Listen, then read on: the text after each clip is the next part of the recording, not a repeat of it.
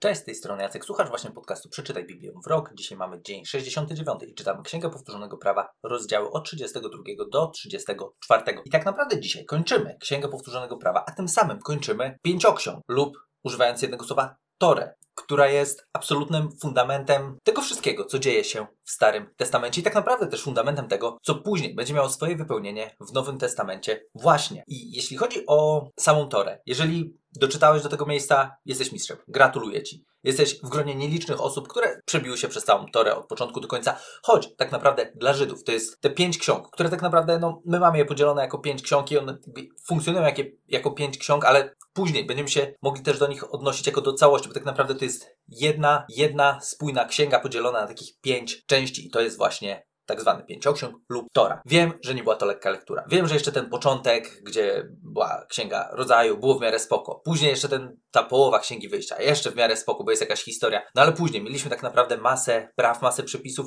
i różne rzeczy ludzie zapamiętują z pięcioksięgu.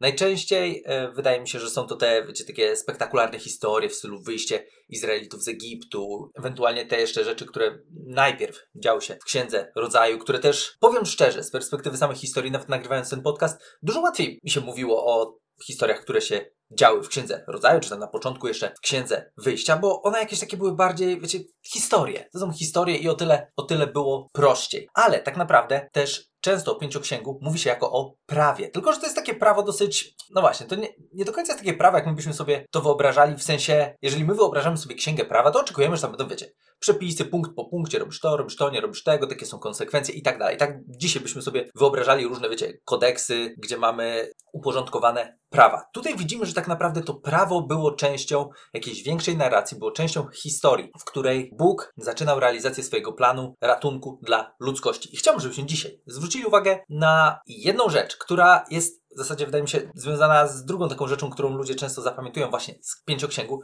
mianowicie te wszystkie prawa, przez które ciężko się przebić. I przy okazji masa ofiar, które często dla nas są totalnie, totalnie niezrozumiałe. Ale żeby było jeszcze ciekawiej, to sięgniemy dzisiaj po jedną historię z księgi rodzaju jeszcze, która jest niesamowicie ważna, przy której nie zatrzymaliśmy się kiedy czytaliśmy akurat tamte rozdziały, ale dzisiaj wrócimy sobie do niej i zobaczymy, jaki ona ma związek z tym, co działo się dalej i jaki związek ma z tym, co w historii dalej przed nami. A historia, do której chciałbym, żebyśmy dzisiaj wrócili, miała miejsce w Księdze Rodzaju w 15 rozdziale, gdzie Bóg zawiera tak zwane przymierze z Abrahamem. No i na samym początku kwestia samego przymierza jest trochę problematyczna dla nas, no bo my niekoniecznie w kulturze zachodniej mamy jakikolwiek odpowiednik takiej koncepcji jak przymierze. Tak, tam tak naprawdę to była opcja, w ramach której, mm, no, możemy powiedzieć, że okej, okay, była to umowa swego rodzaju, pewna przysięga, którą Bóg złożył. E, niemniej jednak, jedna ważna rzecz była taka, że to była opcja, która nie była do złamania. W sensie, jeżeli ona zostanie złamana, no to wiązało się to z ogromnymi, ogromnymi konsekwencjami. No i właśnie te konsekwencje są opisane w Księdze Rodzaju w 15 rozdziale, tylko że to nie jest opisane jako konsekwencje, tylko tak naprawdę jest taka historia, która nam się wydaje być często taka, o co w tym wszystkim chodzi, więc chciałbym, żebyśmy dzisiaj do niej wrócili i przy okazji zwrócili uwagę na to,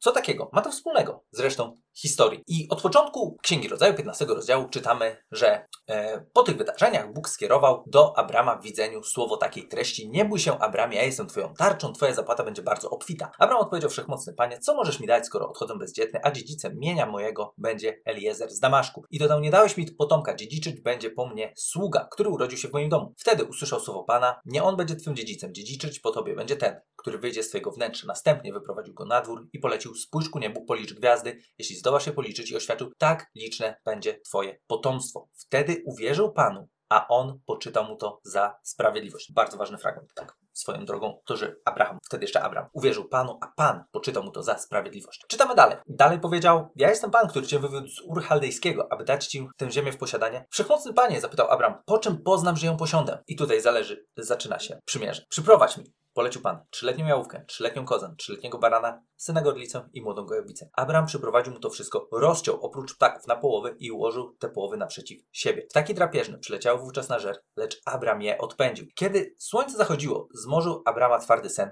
Opadł go lęk i głęboka ciemność. Wtedy Pan powiedział do Abrama: Pamiętaj, że Twoje potomstwo będzie przechodniem w obcej ziemi. Twoich potomków będą tam zniewalać i ciemiężyć przez 400 lat, ale naród, którym będą służyć, ja sam osądzę. Potem wyjdą stamtąd z wielkim dobytkiem. Ty sam dołączysz do swoich ojców w pokoju. Zostaniesz pochowany w sędziwej starości, dopiero czwarte pokolenie tu powróci, gdyż wcześniej nie dopełni się wina Amorytu. A kiedy słońce zaszło i nastała głęboka ciemność, ukazał się dymiący piec i ognisty znicz, który przemieszczał się między rozciętymi na poły zwierzętami. Tego dnia Pan zawarł przymierze z Abrahamem, z Abramem, oświadczając Twojemu potomstwu dam tę ziemię od rzeki egipskiej aż po wielką rzekę Eufrat, obszary należące do Kenitów i Kenizytów, Kadmonitów i Hetytów, Peryzytów i Refai, Amorytów, Kananejczyków, Girgaszytów, a także Jebuzytów. Okej, okay. wiemy, że Bóg złożył przysięgę Abrahamowi, wtedy jeszcze Abrahamowi, okej, okay. żeby było prościej będziemy mówić Abrahamowi. I wiemy, że ta przysięga była związana z tym, że pojawi się pewien potomek. I tak naprawdę my często wiążemy tą przysięgę z samym Izaakiem, ale tak naprawdę to niekoniecznie o Izaaka tutaj chodziło, bo ten potomek był związany z tą przysięgą, która wiązała się z tym, że z Abrama właśnie Bóg chce stworzyć wielki naród i że w nim będą błogosławione też inne narody.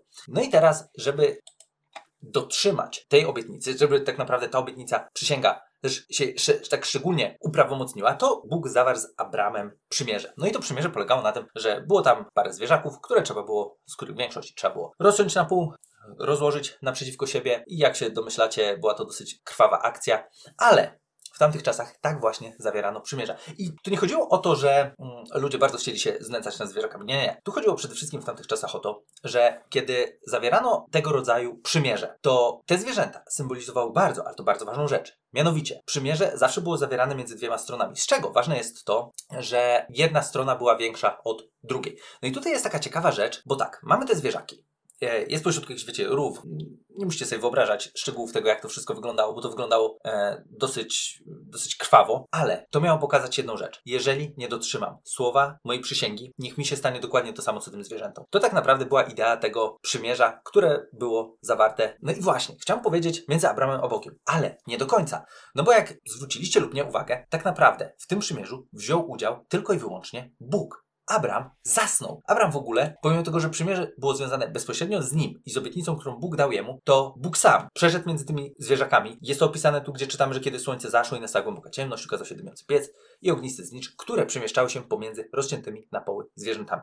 Tego dnia Pan zawarł przymierze z Abramem. Dlaczego Bóg nie zaangażował w to Abrama, no bo tak naprawdę Abram i tak nie mógł dowieść nic w tym przymierzu. Gdyby to przymierze jakkolwiek zależało od Abrama, czy jakkolwiek by zależało później od jakiegokolwiek człowieka, to widzimy już po tym wszystkim, co przeczytaliśmy w pięcioksięgu, że po prostu ludzie nie są w stanie Bogu że tak powiem kolokwialnie, nic dowieść. Nie jesteśmy w stanie często dotrzymać naszych słów i tak jak też już czytaliśmy w Księdze Powtórzonego Prawa, kiedy Mojżesz przekazuje te ostatnie mowy przed zdobyciem ziemi obiecanej, e, jedna z rzeczy, które się tam pojawiają, to jest to, że i tak wam nie wyjdzie. I tak wiem, że wam nie wyjdzie, i tak wiem, że zawiedziecie. I dlatego, gdyby przymierze między Bogiem a ludźmi miało opierać się na człowieku, no to by nam nie wyszło, zwyczajnie, by nam nie wyszło. Dlatego Bóg zawiera przymierze sam ze sobą, gdzie tak naprawdę jest tylko jedna osoba odpowiedzialna za to, żeby to przymierze, żeby tego przymierza dotrzymać. I to to jest sam Bóg. Bóg składa taką przysięgę, którą choćby nie wiem co mówi, że ja zadbam o to, żeby to doprowadzić do końca. Czytamy też o tym w liście do Hebrajczyków w szóstym rozdziale, gdzie w 13 rozdziale, w 13 wersecie jest napisane: Zauważmy dalej, że gdy Bóg składał Abrahamowi obietnicę i nie miał nikogo większego, na kogo mógłby przysiąc, przysiągł na samego siebie. No właśnie, kiedy Bóg miał złożyć przysięgę, to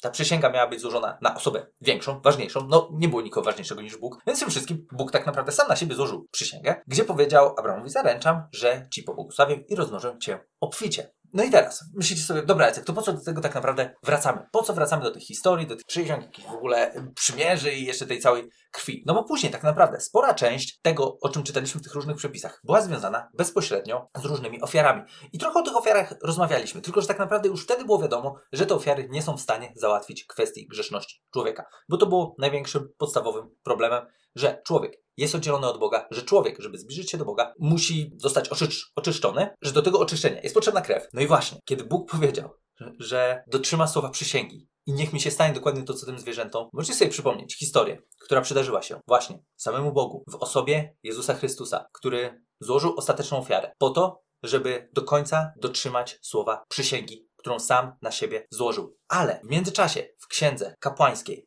też była masa różnych przepisów związanych ze składaniem ofiar ze zwierząt i znowu wzbudzało to być może jakieś emocje w niektórych z nas, że no o co chodzi z tymi zwierzętami. Te ofiary nie miały prawa w ogóle załatwić kwestii grzechu. Były jakimś, mówiłem o tym tymczasowym rozwiązaniem, ale tak naprawdę niedawno też spotkałem się z takim spojrzeniem na to, że te ofiary to było coś jeszcze bardziej szczególnego, bo jeśli byśmy zwrócili uwagę na to, jakie zwierzęta były ofiarowane według przepisów z Księgi Kapłańskiej, to były dokładnie te same zwierzęta, które były też użyte w tym, w tym przymierzu, które Bóg zawarł z Abramem. No dobra, i co z tego? Ano to z tego, że to pokazuje nam jedną bardzo ważną rzecz. Te ofiary, wiedząc o tym, że nie są w stanie załatwić sprawy grzechu, pełniły też inną funkcję. Poza tym, że przepowiadały to, że w końcu gdzieś kiedyś ta ofiara zostanie ostatecznie złożona i wzbudzały tą taką nadzieję na to, że Bóg rozwiąże sprawę grzechu, sprawę dostępu człowieka do Boga ostatecznie. To jedna ważna rzecz, którą te ofiary robiły, to było przypomnienie właśnie o tym, Boże, Ty wtedy Abra Abramowi złożyłeś przysięgę. I te ofiary miały przypominać właśnie o tym przymierzu, które Bóg zawarł z Abramem i o tym, że osoby składające te ofiary oczekiwały tego, że w końcu Bóg zrealizuje całkowicie obietnicę, którą złożył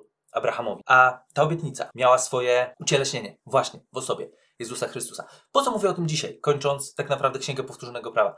Ano dlatego, że y, Księga Powtórzonego Prawa, kończąca jednocześnie pięcioksiąg, jest księgą, która zostawia nas w takim miejscu, że okej, okay, dobra, wiemy jak Izrael miał funkcjonować, wiemy jaką tam miał misję, no i tak naprawdę zaraz jak będziemy czytać dalej Księgę Jozułego, sędziów i tam dalej, to zobaczymy, że to będzie dramat, jeśli chodzi o kwestię wypełniania czegokolwiek. To będzie, będzie naprawdę, będzie kiepsko. I jeżeli y, do teraz niektóre rzeczy Was poruszały, no to teraz będzie y, czasami jeszcze ciężej. Niemniej jednak, dzisiaj kończymy Księgę Powtórzonego Prawa, być może, tak nie macie, ale z pewnym poczuciem niedosytu, bo Bóg tak naprawdę w pięcioksięgu przygotował nas na historię, która teraz będzie przed nami, gdzie będziemy już widzieć naród, który mając tak dobre prawo, mając Boże obietnice, ciągle, to ciągle będzie odwracał się od Boga. Będą oczywiście momenty trochę lepsze, ale jednak tych gorszych będzie znacznie więcej. I te ofiary, które w tym czasie będą składane w Izraelu, mają jedno zadanie. Wracanie do tego przymierza, które Bóg zawarł z Abramem. I takie niejako mówienie Bogu, Boże, kiedy składamy te ofiary, to pamiętamy o tej przysiędze, którą Ty złożyłeś Abramowi i czekamy na to, aż w końcu ją zrealizujesz.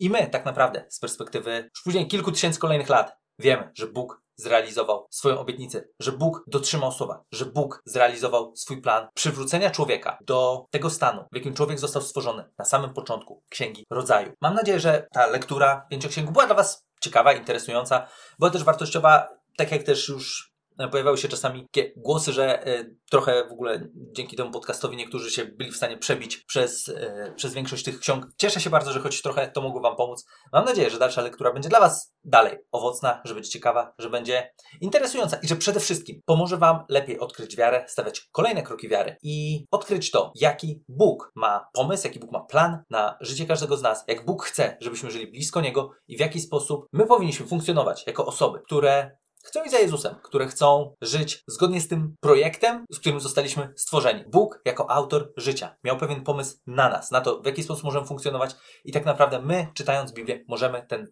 pomysł na nowo odkrywać, pamiętając o jednej ważnej rzeczy, że Bóg zawsze dotrzymuje słowa. To jest to, z czym chciałbym nas zostawić dzisiaj, kończąc pięcioksiąg, kończąc księgę powtórzonego prawa i już jutro, zaczynając księgę Jozłego. Gdybyście mieli dodatkowe pytania, wejdźcie na stronę bibliawrok.pl, dołączcie do grupy na Facebooku, pytajcie, poznajmy się lepiej, odpowiadajmy sobie na dodatkowe pytania, które mogą pojawić się w trakcie lektury i słyszymy się już jutro w kolejnym odcinku.